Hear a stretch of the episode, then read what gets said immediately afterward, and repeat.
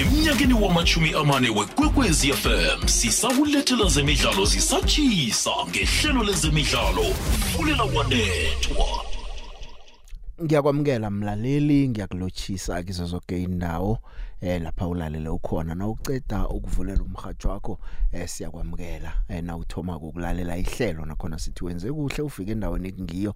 Sizokuhamba nawe kuyokubetha ihour lesithandathu. Sicala nje indaba ezikhona ngehlangothini lezemidlalo. Zikhona zona ziningi ayisekwale isikhathi singakwazi ukuthi sizicede zonke indaba nawe ke uzolithola ithuba eh, lokuthi ke uveze wakho umbono na umuntu uthumela ivoice notes. Hayi ngithola ama inbox amaningi. Abantu bathi inombolo ukuthumela ivoice note eh nasiyona 079 4132172 079 413 eh 2172 eh nawenze njalo ke eh ulinge nokuthi uyihunyeza hunyeze ingadlule emzuzwini emibili 1 and a half minute. Eh nokho ke kungconywana. Manenga ama voice note ayangenela eh na ubetha nento enembako eh, amathuba ukuthi idlale maningi ngoba vele maningi eh asiyabhalelwa ukuthi siwadlale wonke na umuntu ke uzwana nokudosa eh 0860003278 kulapha uzosithola khona ke nawe ke uza kuveza umbono wakho ngalokho kuzwa sikhuluma ke namhlanje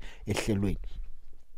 Kwenzekile ke e, ivalile ibigiri yephasi yebhola ragwako yabentazana ngehlangothini leAfrika.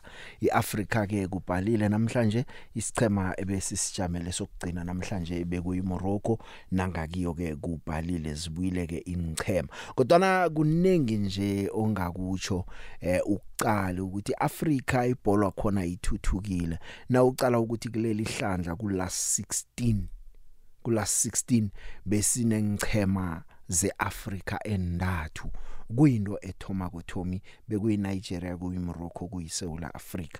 Kanti okhunye godu engingakuveza ngalo leli phaliswano eh ukuthi ke iMorocco Gizo zonke inaga ebezithoma thomi ukudlala iphaliswano lebigiri yephasi ngiyo yodwa edlulele kuma knockout stage yayokuloba khona kuma knockout stages waleli phaliswano leli. Eh kuyinto ke nokho esizayicala sitsho sithi no kuyakhombisa ukuthi nokho kancane kancane ibhola yeAfrika eh iyathuthuka ngehlangothini labentazana. Sithembeke ukuthi ngokuzako izinto ziza kukhamba kuhle kuzakusebenzeka kuhle eh, ukudlula lokhu.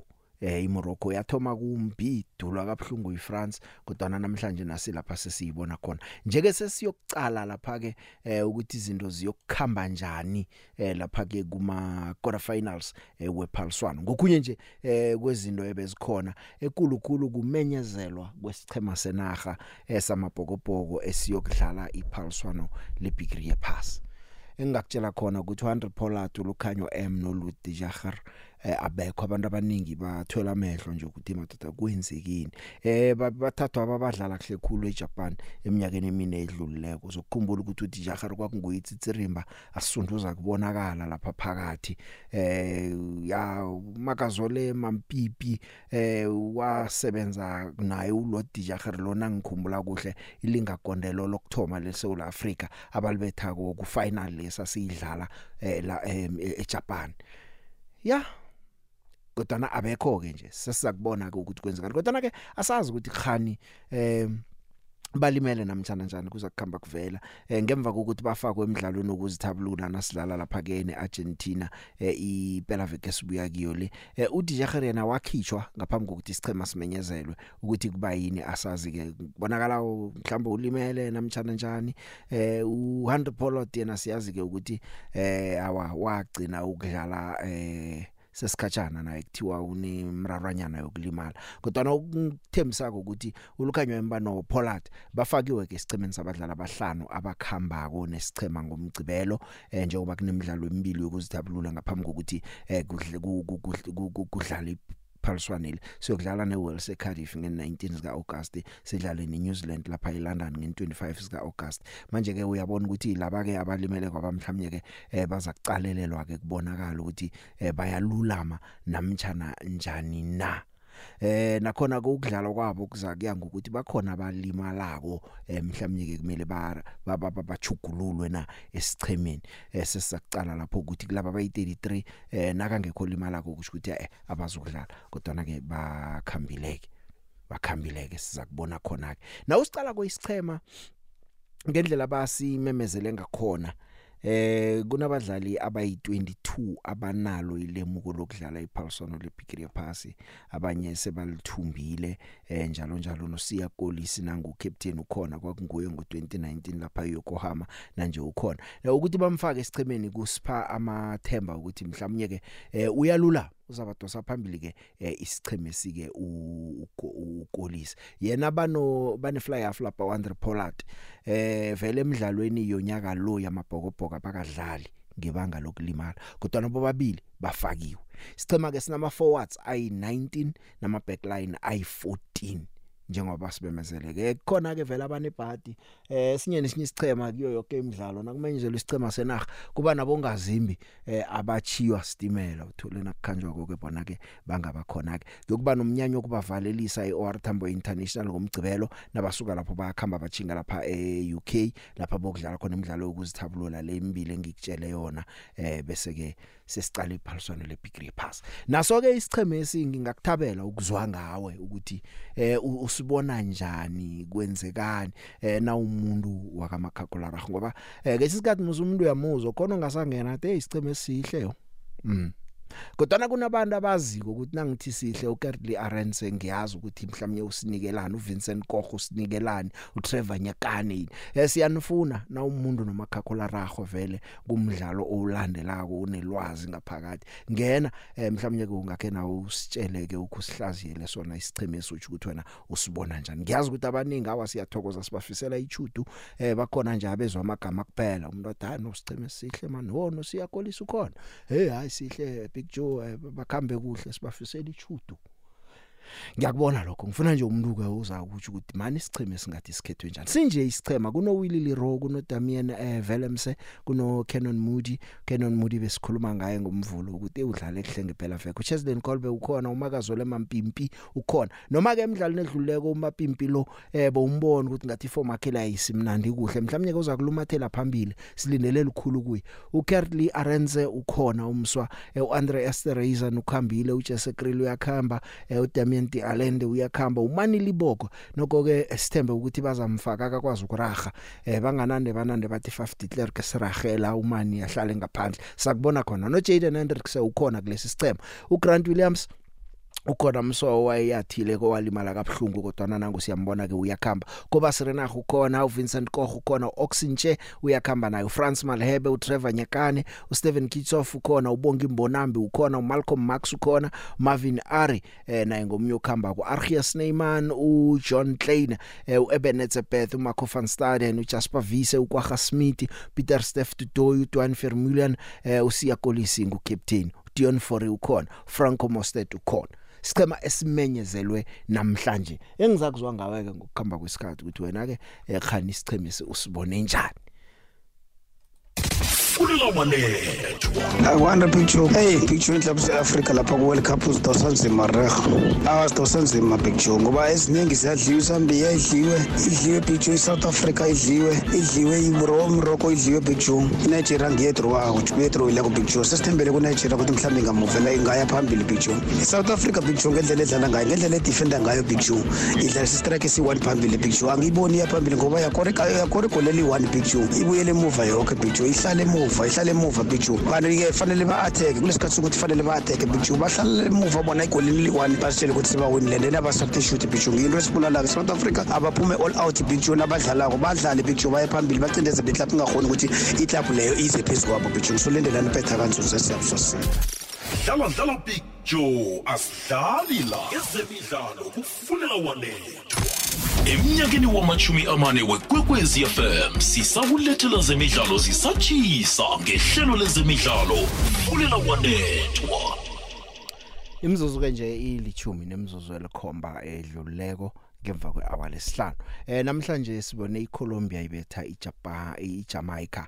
Eh iyokudlala iquarter final nesichema lesi seEngland. Bathumbe ngo 1 not engakuvezela khona ukuthi iJamaica ngilolodwa igondelo elingenile kwelingakakibo emidlalweni yokabayidlale lapha baphumile nabo babetha lenye kuphela igondelo. Eh bebakhandela kuhle kodwa naphambili bebabuthundwanyana pha ngikho ke bakhambile nje. Eh ya siyathokozisa ke iColombia.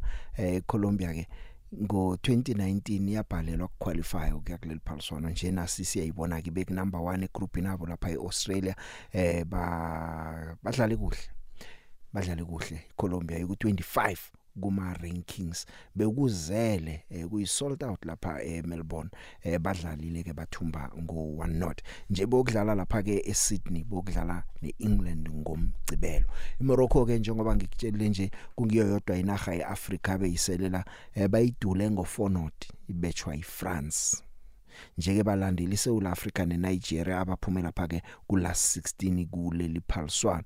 Eh kodwa ke bengisakutshela mani lehle ukuthi i iAfrica kileli phaliswano leli.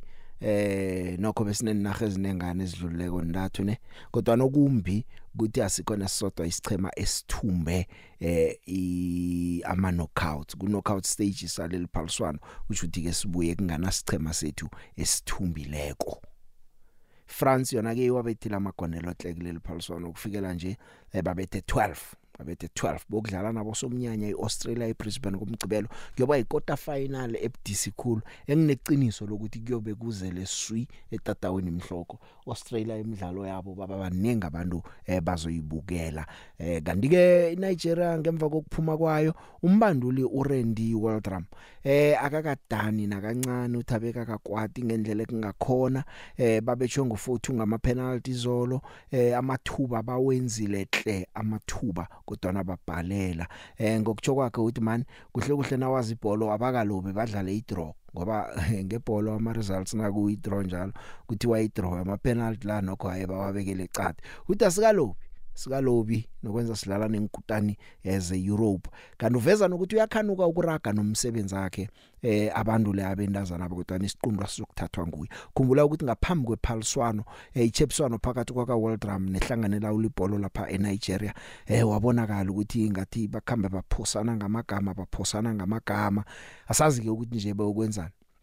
Ngokuthatha eh ukungazwani kwabo bakubekele ecadi bathe raga nesichema usilungiselele eh amaphaliswano ezako na? Ngoba sicale lapha ke neParis kuma Olympics ngo2024 sazi yokukhamba nabo namtjana bazokuthatha omunye kodwa ke eh, lo mswa uyatsho yena ukuthi uyakhanuka ukuhlala eh nesichemesi kanti into ayiveza konje ukuthi eh, iAfrica iyathuthuka iphasi eh, licalile liyayibona iAfrica ngehlangothini lebhola ragwako ukuthi ithuthuka kamnandi kangangani. They've been fantastic the whole tournament. You know, I I said to them after the game, we've we've we've not lost a game. Realistically, if you look at it, we've played four matches against three teams. You know, the Olympic gold medalists, and we played the European champions. We we had a clean sheet in both of those games. Uh, you beat the host nation, and you play Ireland, that's in the top twenty. And realistically, we didn't lose. Um, so I'm so proud of them. I'm just there's such a bright future for this group, and, certainly um, an opportunity to take this team farther and go on into the Olympics and try to qualify. I would certainly love to do, but those decisions are, you know, for somebody else. And I, I really, right now, my mind's just kind of trying to get through what happened today. So I, I hope what we've done is shown the rest of the world that football in Africa is relevant. Uh, I think sometimes because the African teams stay more in Africa, playing matches there. They're they're not as known, um, you know, around the world as some of the other teams that that that go all over. Um, so I hope we've made it relevant, and uh, I hope people have seen that. Um, there is talent there, and we have the ability, and um, with a little structure and a little organization and some commitments to provide some resources that we need. I think hopefully people now can see that we can become a, a major player on the world stage. Ya kusebenzeke ngaleyo ndlela ke sima Africa lapha ephaliswaneni lebigiri yephasi nebhola ragwako kubaleke kuphelileke siyabuya ke esima Africa kanti ke nanze ezinye indaba ke ebezisolo zikhulunywa eh i chief operations officer ye PSL khuluma nge ngo professor u Ron Schloss. Uvezileke ukuthi iMamelodi Sundowns ikhipha ama million batsho ukuthi ilungise iLucas Moripe Stadium lapha eAtteridgeville eh bekakhuluma ku Radio 2000 izolo noThabiso Msiya eh nakaveza indaba ezi eh ukukhumbuleke ukuthi iLucas Moripe kwathiwa ikakulungela ukuhosta imidlalo phakathi kwesizini epheleleko neLoftus nayo iyalungiswa kungiso sona leso kuthiwe izabe ilunge ngoOctober iLoftus manje ke ke iSundown iSundowns ke beyifunela inyitatawu engalisebenzisa. Manje ke ba khipha engikhwameni zabo balungisa iLucas Moribe Stadium. Umdlalo wabo ukthoma ukusasa namatikiti aphelile umdlalo wakusasa isold out affair eh ya nokho sekuthi ke iLucas Moribe bachithala 28000 eh aphelile amatikiti ke uRonnie Schloss eh uyatsho nje ukuthi Sundowns izicatshele nama nekhampani yokuchubhela ifaka igezi basilungisa eh, istadium apha. Isanda iSuperSport bekalila mhlawumbe nje uKevin Hunt ukuthi hey kwenzekeni kwenzekeni. Bazithole badlala ePeter Mokaba Stadium nabantu bebangekho kangako. Kodwa uShloss uyaganelela nje ukuthi indaba yokulungisa amatatawu bomasipala ngoba amatatawu ngewabo. Kodwa nabangakwazi ukulungisa ngesikhathi akunando bona bangayenza. Sundowns ke yathi thina sizozibhadalela. Ke sizwe ngayo Now, now we, we closed at Lucas Meridian. I heard you mention that. Yeah. And in fairness to Sundowns, they've come to the party and they've fixed up the floodlights. They've fixed up all the leaks in the change rooms and they, they've spent a couple of million, I think, on, on, on fixing up that stadium to bring it to an acceptable standard. Now we, we've got full, full use of that stadium. We've got all the turnstiles working. We've got the floodlights working. We've got the, all the public ablution blocks have been fixed up. And um, Sundowns came to the party and, and raised the funds and, and fixed it up. No, it's a municipality, but Sundowns uh, laid out. They got their own electrical company. They've got their, they got the uh, people who do the turnstiles, mm. and they brought them in, and they've been working hard at it for the last two weeks. You know, I, I closed down um, Lucas, oh, must be about three months ago, and nothing was done. And then Sundowns, as I say, came to the party a couple of weeks ago, and, and um, they've worked on the stadium, they've looked after the pitch, and um, the venue is now suitable it, I say it's suitable and it's safe because all the turnstiles are working now. Prior to that, they weren't. So mm. you could, you know, if you're going to fill the stadium, um, you've got to have everything working. We hear that it's budgets. It's, it's difficult to fully understand the reasoning um, because, from a point of view of staff, they seem to have enough staff at the stadiums that we've closed down. But it just needs, I think, the will to, mm. to, to look, look after that stadium. And interesting thing, you, you'll note that we're playing quite a few games at uh, university stadiums and that, and these stadiums are well looked after. They're maintained, and so it, it's it's this will to really want to look off, look maintain that facility. Ya ngizolezo ke eh ngiyathemba abantu baphendulekile ngoba bese bathe iPSL iyalile yalela iSuperSport ukuthi idlale kodwa ni Sundowns bayivumela bachithi siyokulungisa ke thina. Kanti ke IC amatatawu uyalila uRonnie Slowas ukuthi amatatawu kumele alunge. Eh ngoba nongacala umdlalo weSwallows neCape Town City eh ngathi ke ususwe lapha umdlalo eBloemfontein eDr Petrus Molimela Stadium watchingiswa eDobsonville Stadium ngoba na kuthiwa lapha eBloemfontein nakhona itatawu la khona likalungi iphethwe nguShlosi indaba le You know, I, I, let me give you an example. I was at the Dr. Malala, Malala Stadium in Bloemfontein. Mm-hmm. Um, when was it on Thursday? And um, that hasn't been maintained at all. One or two of the clubs wanted to play games there. Uh, in fact, Swallows were looking to play quite a few of the games there.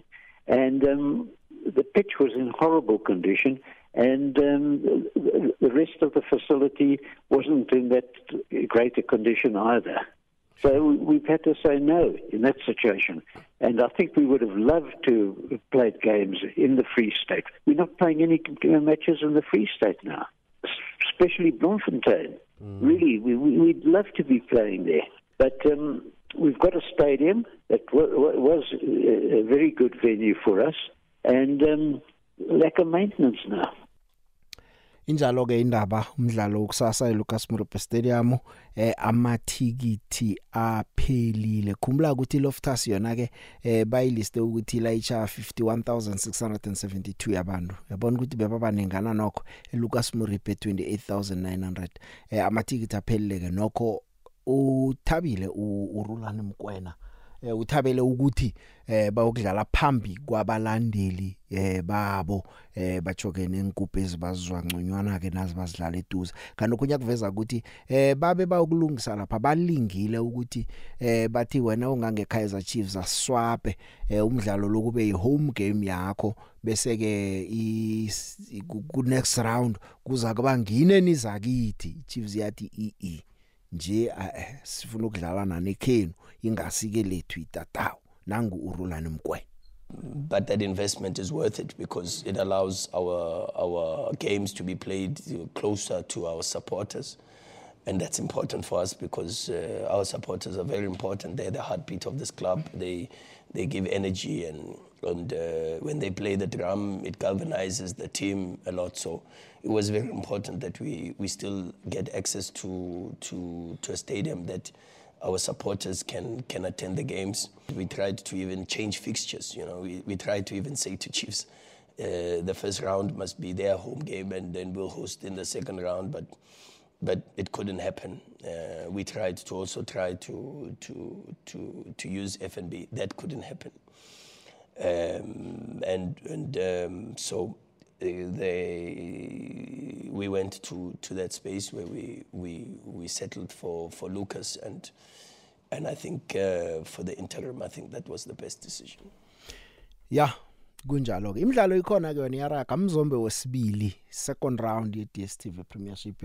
Eh ngikhuluma nawe nje eh isicema se Golden Arrows ne Richards Bay sibambene kusese ngu North North esiqunwini sokthoma eh somdlalo. Kanti ke namhlanje ngo half past 7 Orlando Pirates eh idlala lapha ke ne Royal AM base Orlando Stadium. Orlando Pirates abantu abaningi isizini le bayilinde ukuthi kube sichema esikwazi ukuchallenge iSundowns ngenye indlela erarileko. Nokho bathe umekumbi ke balobile ngo1 not badlala neStellenbosch eh asazi ke kuleli hlandla kuzakwenzekana ukhumbule emidlalweni neStellenbosch abadlali abafana uMiguel Team ke Mitarasmas Thembi Inkosi Lodge eh bebangekho. Siza kubona khona. Na uthi uyicala neRoyal AM nayo. Akenge ibethi igondela idlale iNot Not namaZulu. Kanti imidlalo eminingi kusasa iSundowns ni Chiefs eh iSwallows neCape Town Spurs eDobsonville amaZulu ane SuperSport eMoses Mabhida eh ngicale la iPulukwane City neStellenbosch iChipa ine TS Galaxy eh Cape Town Spurs banesikhukhuni midlalo nje ihathekile nakusasa. Eminyakeni wamachumi amane wekwekwezi FM sisakulethela zemidlalo zisatshisa ngehlelo lezemidlalo.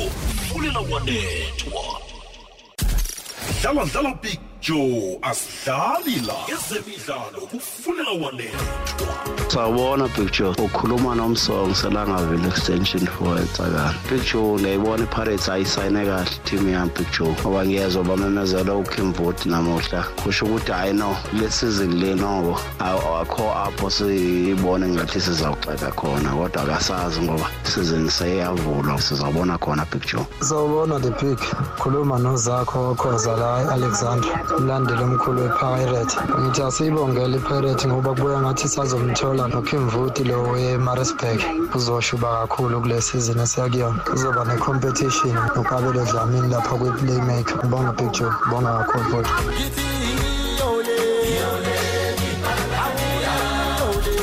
Dlala dlala picture asidlali la. Ezemidlalo kufunela wanethwa. Sesekhona ke ehlelweni isikhathi nje imizuzu kusele emachuma amabili nemizuzu elikhomba eh ngaphambi kokuthi ke silibeke phasi ihlelo. Kanti ke hlangana nezinye izinto esizichejako nengizozichecha nje liphelile iphaliswano le netball lapha eCape Town. Eh manje ke ke konke sikubonile kusenzeka sakhe sakhuluma la eh ne tournament director yasitshela ukuthi amalungiselelo akhambe njani. Ke sizwe nje ukuthi seliphelile iphaliswano sekusongwe yonke into eh bathini izinto zibakhambele njani. Ngikhuluma la ne tournament director uma uPriscilla wakwaMasisi.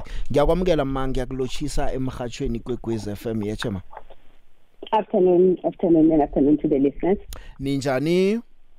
Hayi siyaphila futhi. hayi nathi siphilile eh ngiyacabanga ukuthi instress ziphelile nje ne relaxile niyamasajwa eh yonke nje ipressure idlulile Hayi everything is fine the pressure is passed. Yeah, when we are finalizing the the report and also ensuring that we uh, doing a load out of all the infrastructure that we had to put in. So the fitting, the floors have to come out now of the of the CTICC. Ya thina abantu bebabukela ngisho besicale lapha ngaphakathi sizibonile ingchema zi16 izidlala kwabamnandi sajabula ukuthi ize eAfrika kokthoma iphaliswaneli eh nabavumi nje bebavuma ngale ndlela ngikholwa ukuthi kwamanye ama country ama fans wakhona a vocal acula ngendlela beSouth Africa bebacula ngakhona nembala emihle konke eh sikubonile. Eh in terms of ama logistics nanje ukorganize kukhambe njani ngakeleni ihlangothi ngoba thina sicale ngaphakathi ngaphandle kube njani Everything went smooth. Uh, the players were happy and also our visitors were very happy. Uh, we only had few glitches in terms of tickets uh, when they were supposed to be printed, but we managed to sort that one out. Uh, so in the next coming ga- games after the opening ceremony, everything went smoothly. Okunye ke ke sakuzwa kwaba kumbi zindaba zokwetshelwa kwabadlali emahotela nanani nisote njani nidlule njani lapho The police were busy investigating. Uh, up to so far, they haven't received or they don't have any suspects. I think also the, the teams or the members that claim that they, they, were- they, they had money stolen and other items, they didn't come out and report to us or also to the police. So once we were notified, we saw it on the social media and the police had to go there. We also had to go and find out more information about that. But the victims were also not willing to to do some statement to the to the to the police. So that's where we are. But the hotel itself also reviewed the cameras. The police also did that. Um, and they couldn't, there were just one cleaner who went into the rooms and they interrogated that person, but the results came negative. So they're still following up on that. But at this moment, there's no suspect. Uh, yeah. ngaphandle ke kwabadlali eh mhlawumnye ke abavakashi ababuye enaheni zangaphandle bebakhambele iSouth Africa eh ngokucala kwakho i-turnout beyingangani abantu ababuya ngaphandle bebala eh bahlezi njani nje kube yisuccess yonke into It was a success because we were selling the tickets ourselves in the office for, especially for the tour tour packages. So we had a lot of uh, followers. Uh, New Zealand came with a lot of followers uh, who followed their team. England, Australia, and Jamaica. So most of the teams they came with the, the, their their followers followed them, and they were following their games. So the outcome was also was very good. Ukuhosta iWorld Cup eh ku- kuza nerevenue. Ngiyazi ukuthi mhlawumnye kungaba msinya kakhulu ukuthi eh ningakwazi ukuthi ukuthi exact figure kwenzekeni kwenzekeni. But by the look of things njengoba nawo ukhona lapho eh, in terms of ama ticket sales in terms of imvakashi kungenzeka ukuthi i projected revenue ebenithini zo izuza mhlawumnye ngale World Cup eh nokho niyayifinyelela noma ni surpassile nidlulile. We're still doing the calculations, but from the look of things, everything went smooth. Uh, we might not have achieved 100% of the revenue that we projected, but uh, from the look of things, we are very close. But once we've done all the numbers, uh, then we will be able to report. so in terms of ama challenges into nje beyikhona i ticket sales nje ukuthi bawanokuba buthakanyana njalo njalo amanye nawanikela abantwana besikolo beza bazokubukela sengilokho nje ongakunotha ukuthi kube ngiyo i challenge benicalene nayo I think, remember also the ticket sales, how they were going, or the, the, the competition itself. There was a first phase, which was the preliminary, where there was a draw. Mm. Then we knew the teams that were going to play on group A, B, C, and D. Then when we go to the second stage, we didn't know who's going to be playing who because that's also going to depend on how they performed on the first preliminary stages. So going to the second stage, people didn't know, and I guess other people got predictions. They were saying, okay, if you are in Group C, we hope that you finish. You are going to play Jamaica and whoever. You might beat them, so you might end up in Pool E or Pool F. So they're just speculation. Mm. So that's why the cricket service uh, couldn't go much because people didn't know who's going to be playing who. Mm. But if you look at the, also when we released those tickets, the first ticket that sold out completely in the next in the first two days was the was the final. Mm. Everybody wanted to see the finals. Finals from day two they were hundred percent sold out. And then comes the, the second semi final where we also saw eighty percent of the tickets being sold uh, within the first few weeks. So it was just traditions and Yeah. other people saying I want to go the semi finals and then the finals. ya no si siyathokoza thina ebesiyibukela nobe siyicalele kude nje siyathemba ukuthi ikhambe kuhle sithembe ukuthi nabantu abakuma fan park eh babukele kuhle ngegama nje lodwa ungatsho ukuthi mhlawumnye i i World Cup ye netball yokthoma yokudlalelwa eAfrika ibe impumelelo It was a success. The only incidents we have are those minor ones of the mm. theft, which have still been probed, but uh, there was nothing major. I also want to commend our security cluster. They were on board, uh, even when there was a strike, but our teams managed to leave without any hiccups. They were on time at the airport. So I really want to commend also all the stakeholders and our mm. partners that came on board to support us. ngithokozile ukukhuluma nathi me umasisi ne Thank you guys. Ngiyabonga. aha ke Golden Arrows 1 Richards Bay North izolokho engatsho ngathi eh Richards Bay lena ingakachechi zokuba semrarweni Ejere Big ya ngisibonile isicema ngisizwile isicema samabhokobhoko simenyezela ah bakukho engakutsho ukutheni and amabhokobhoko ngisibona sicinile hle isicema ya yena umanili ibhoku lona egemini edluleko le yamabhokobhoko nadlala ne-argentina ngimbona khutha ama-penalty ayi-two wahlula ama-convision i-convision ngatinye. Eyi yena ke ku-convincing njengo-elton judges mara eyi asembe ukuthi u-hundred poland lo uzokhona ukululama kusesemsinya bathathe naye mhlambe umanele iboka i-backup yaka-hundred poland ngoba eyi nakayedwa nje ngibona ukuthi kungaba nento etheni engako ayenzako umanele iboka ngendlela engimbona raha ngakho ngephela veke nabadlala ne ne-argentina. Um umapimpi the big um into enginotisile ngaye ngimbonile nami ukuthi ofomnyana amalanga la compared to indlela ewayengayo ngalesi sikhathi kudlale i-world cup ya-2019 sona isichema the big hayi angisisoli ngisifuna siqinile hle ngibona naimveke inyana ezizakwezi i-all blacks bazoyibetha bayibethele le twickenham kuzokuba lula for bona. Nanoma igroup yabo leya ibonakala ngathi udisi kile ku-world cup leya bayakiyo ngoba na ucala isichema basegrupini eyi-one ne-ireland bane-france ngathi egrupini eyi-one. Eyi lezo the big zingichema eziyi-two almost ngathi ziphezulu nakuma-world rankings. Mara sithemba ukuthi la bazokubereka kuhle amabhokobhoko bakhona nokulidefenda iphalso icup i-world cup le sithokoze ngosipanela Mm,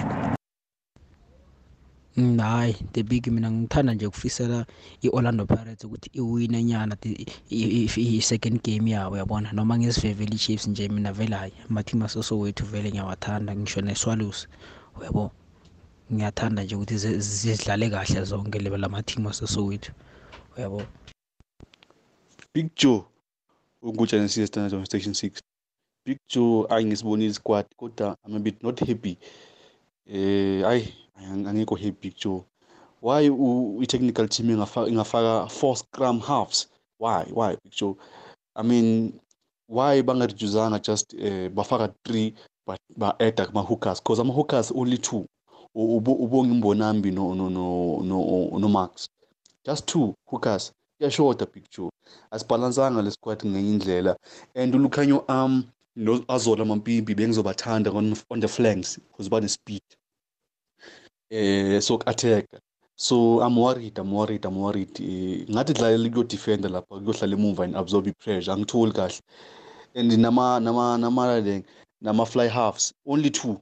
There's there's no ba- no no backup of ama fly halves only two big joe.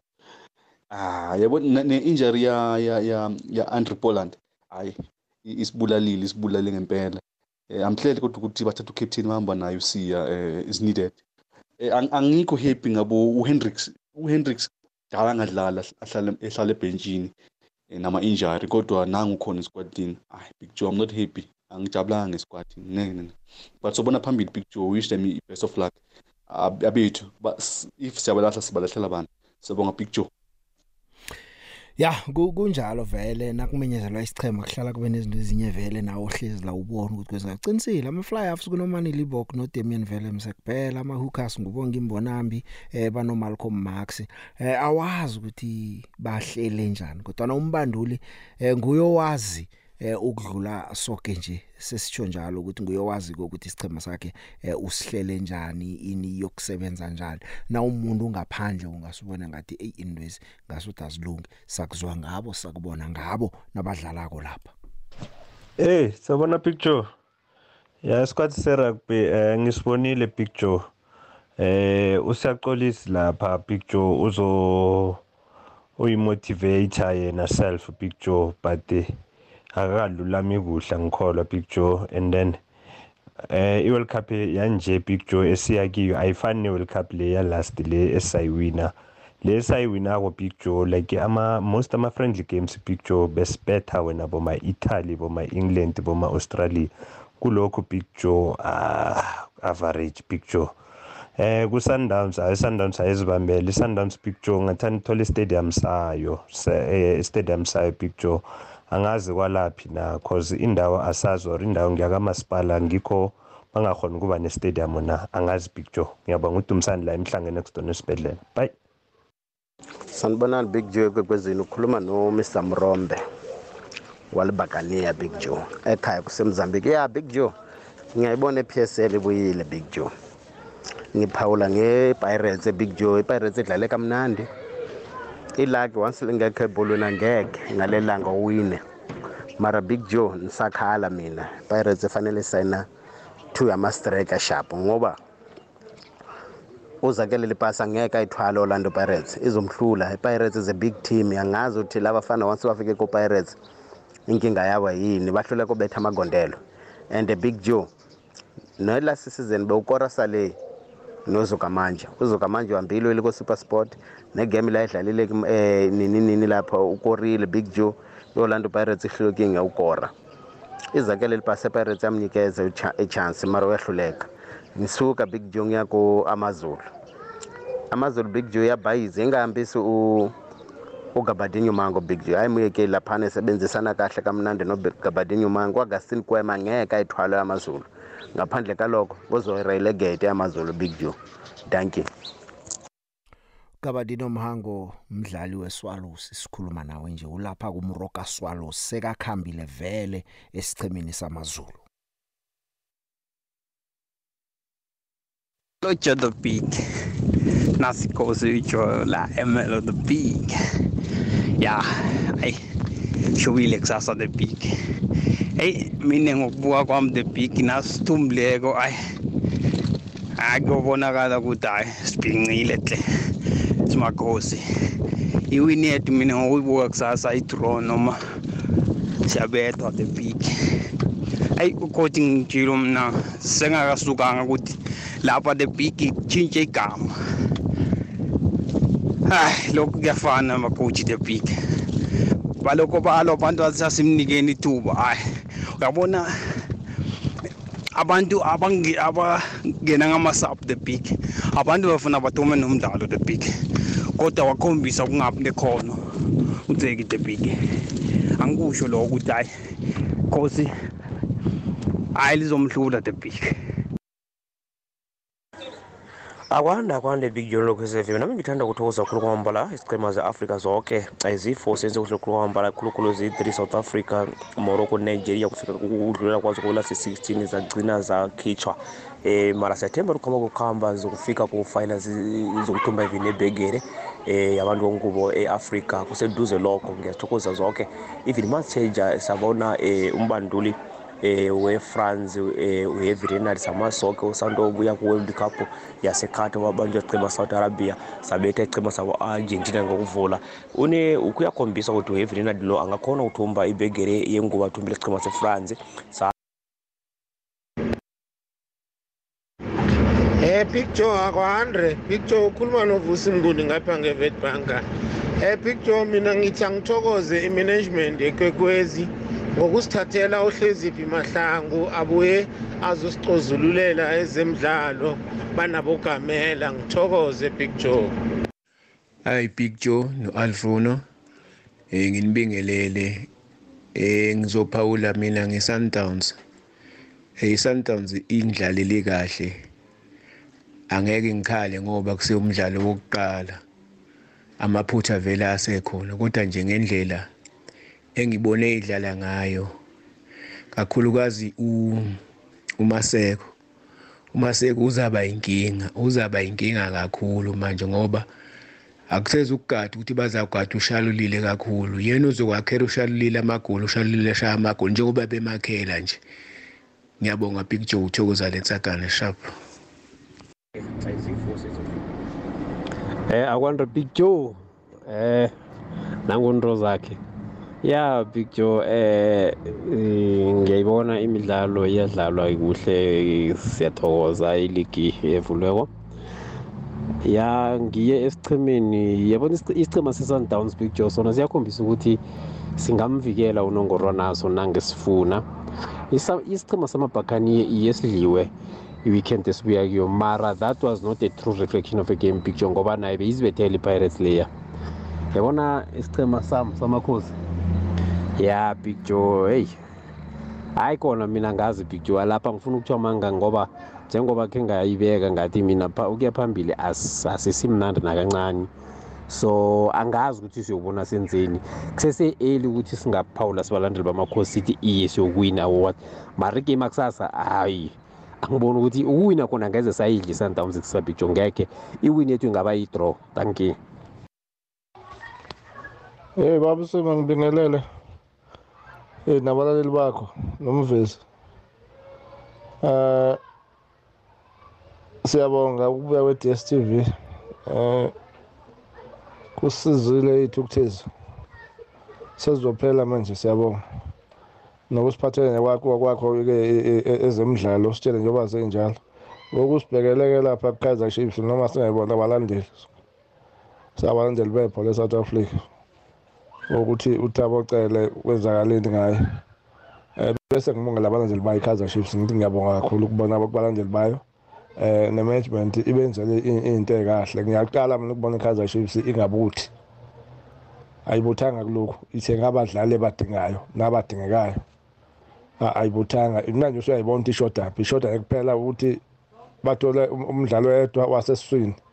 Ozoleya lo mdlalo umuntu abathi wasevenezuela hayi ubackline ulight bese bethi kufuna abantu bangathwala ngama-striker ahlakaniphile aggressive eh azokwazi ukuthi ashaya amagoli ngiyabonga jo umchumo Mm, ya siyathokoza imbono. I-half time nje one not. i-Richards Bay eh iGolden Arrows inegondelo lodwa iRichards Bay nelize es isizini ivuliwe nje abantu bathabile bazibonile ingchema zabo.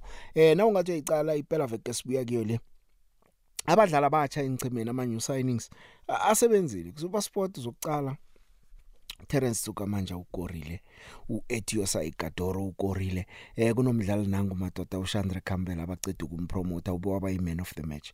Angazi ukuthi wena ubabone njani abadlali abatsha abadlikihlwe zingchema kumamlodi Sundowns nangu Lucas Siri uLucas Ribeiro eh ube wabetha negondelo ke msi. Elinye ulicreate elinye walikora bese ngapanga kusikhukhuni Jamie Weber usuka ku SuperSport ufike lapha ubethehla free kick wakora bo Golden Arrows nangumdlali eh ngusiyanda Mthanti. Mthanti naye utafika nje hawo wabazibethela igondelo nabaza kudlala idraw. Ngicalela Tsehofatso Mabasa kuswalosi babethele igondelo ubongani Sam udlala ekuhle kangangani kuswalosi ubongani Sam wababa iban of the match. Badlala abatsha abafika engichemeni lapha eh waqala eCape Town City nayidlala nePolokwane City nangumdlali nguJoe Pasientia. Nguye okorileko umdlali ufike lapha naye wabethi ikondelo sekuvalwa amehlo kuthiwa idraw bathumba umdlalo. Moses Mapira ke labe kudlala khona iChiefs neChipa eh abantu abaningi bakwakwazela uEdson Castillo.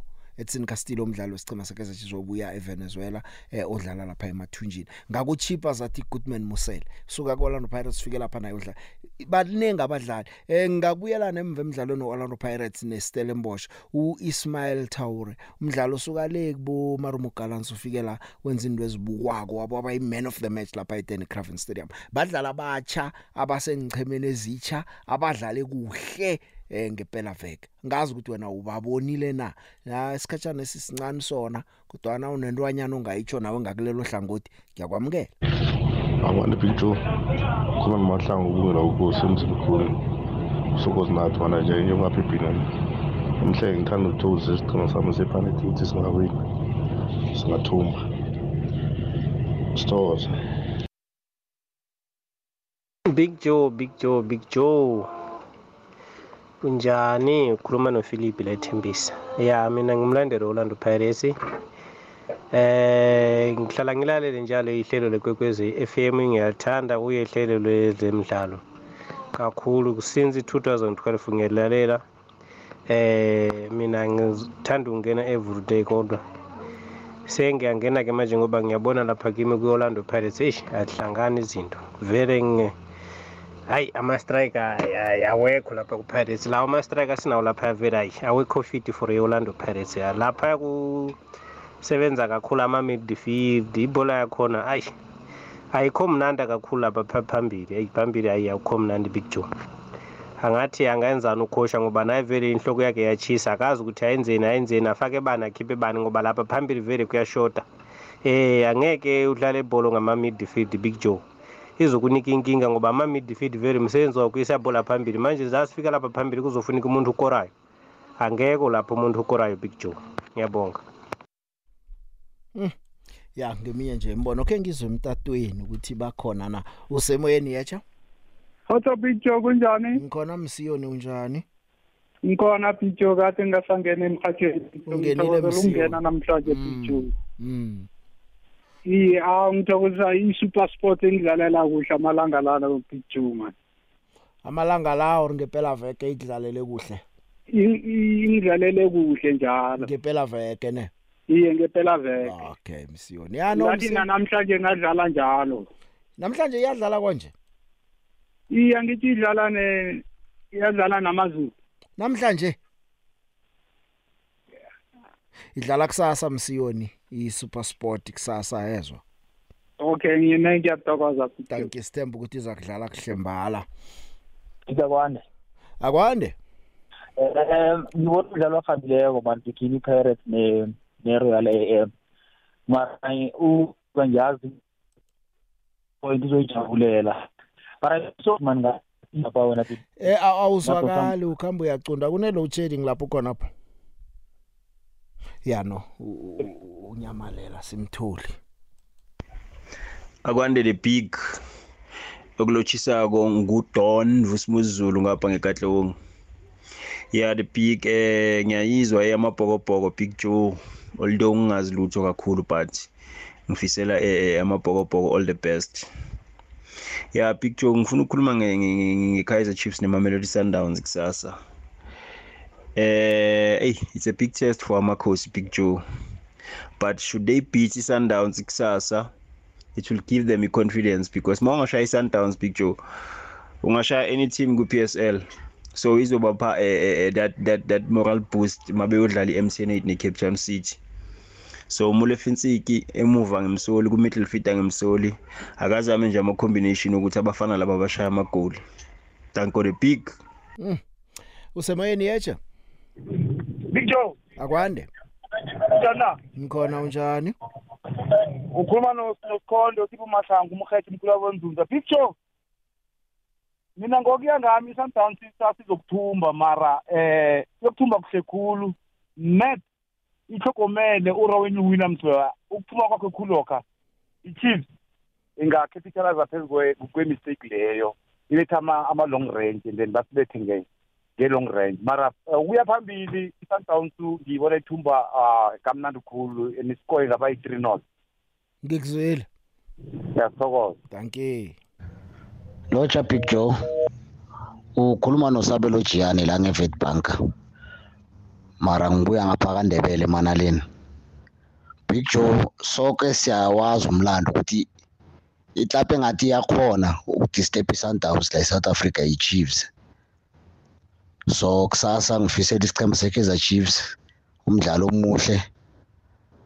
Ngathi bangaraga kuhle bawudlale kuhle umdlalo wabo njengenjwayelo against i-sundowns banerekhodi elihle. Okuningi sakubona ukuya phambili ngoba i-sundowns kose udlale nayo kuhle nje zisuka zibekwe ebhandeni i-sundowns ingaliswa ukuthi ivule ngamaphuzu amaningi le phezulu ngoba siyazi ukuthi yavula ivulile yakuhamba ngiyacabanga ukuthi zonke inhlabha lezi kufundile lokho namacoacha okuningi isizini lekhosi kube nomehluko omkhulu big joe. Sidiniwe thina loko? Sijayivele isiginci somuntu oyi-one eh? Sithokoze big joe. Akake isikhathi ngiswe salako ke ungakhohlwa half past 7 Orlando Pirates Royal AM kusasa iSwallows neCape Town City zidlala ngo3 iMamelodi Sundowns neChiefs ngo3 umdlalo ozowuthola la emhathweni AmaZulu neSuperSport ngo half past 5 Cape Town Spurs neSikhukhuni half past 7 Polokwane City neStellenbosch half past 7 Chippa United neTS Galaxy half past 7 ya ukhunye ke kusasa ihlelo sibuya nayo express lane eh njoba kulanga lembokotho nje ke kunomdlalo. Abeze bazokulalela umdlalo. Ya balalela umdlalo. Eh thina nathi zobe sibukele silalele. ngakelinye ihlango ya. Yesibuziso awuyi eLucas Moripe kusasa? Angikuphi eh estadium. Angikuzwa jo ngithi awuyi estadium eLucas Moripe. Hawa angazi ukuphumelela jo ubanjwe umsebenzi or ubanjwe livadlwana? Valo nangikhulumela nje hayi man kusasa kunezinto ekufanele ngizilungise and kusasa ngiyasebenza uyabona? Okay sibura siya nomlaleli ngithokozile kambani kuhle.